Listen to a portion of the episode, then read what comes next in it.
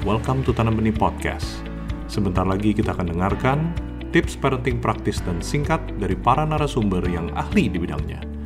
Agar tidak ketinggalan tips parenting yang lainnya, jangan lupa klik tombol follow. Parents, selamat belajar. Nah, soal anak disuapin usia 6 tahun, saya nggak akan bilang itu wajar atau tidak wajar. Saya lebih suka ngomongnya tidak perlu. Karena toh anak sudah tahu caranya dan sudah mampu melakukannya dengan cukup baik. Jadi tidak perlu menyuapi anak. Nah, tapi kalau kalau makan sendiri makannya nggak habis, sedikit. Nah, usia 6 tahun itu mestinya sudah mulai belajar untuk planning. Dalam hal makan, anak harus bisa menentukan sendiri berapa banyak.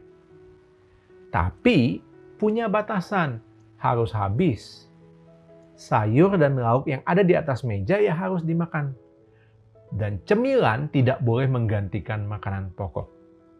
Jadi, kalau selama ini nih ya tidak habis makannya, nah mulai selanjutnya katakan kepada anak sebelum makan. Nah, berapa banyak yang kamu habiskan? Ya, silahkan kamu ambil sendiri nasi, lauk, dan sayur sebanyak yang kamu mau yang menurut kamu sanggup kamu habiskan. Lalu jelaskan batasannya. Tapi nak, ya, ini kamu harus makan di waktu dan tempat yang sudah ditentukan dan harus habis. Kamu yang ambil, kamu harus habis. Ya. Dan makan apa yang ada di atas meja yang sudah disiapkan. Tidak ada cemilan. Artinya kalau kamu lapar sebelum waktu makan selanjutnya, kamu nggak boleh ambil cemilan, karena cemilan bukan untuk menghilangkan apa. Oke? Nah, dengan batasan tersebut, berikan kebebasan kepada anak untuk memilih berapa banyak dia mau ambil untuk dia makan. Ya, anak akan mulai menjalani sebuah proses berpikir, menimbang-nimbang dan merencanakan. Kalau anak ambil sedikit gimana? Nggak apa-apa. Yang penting dihabiskan dan tetap masukkan sayur dan lauknya. Kalau nanti lapar gimana?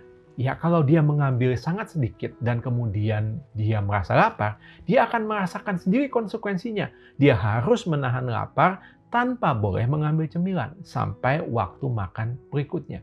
Anak lapar nggak apa-apa. Nanti kekurangan gizi gimana? Oh nggak akan kekurangan gizi. Sebelum sampai tahap kekurangan gizi, anak juga pasti sudah cari makan kok. Toh kita kan tidak menahan dia makan. Kita justru meminta dia untuk mengatur porsi makannya sendiri. Supaya lama-lama dia mampu berencana soal berapa banyak makanan yang dia mau habiskan. Anda baru saja menambah wawasan parenting Anda bersama Tanam Benih Foundation. Sekarang, waktunya diaplikasikan. Jangan lupa follow podcast Tanam Benih di Spotify agar tidak ketinggalan parenting tips yang lainnya.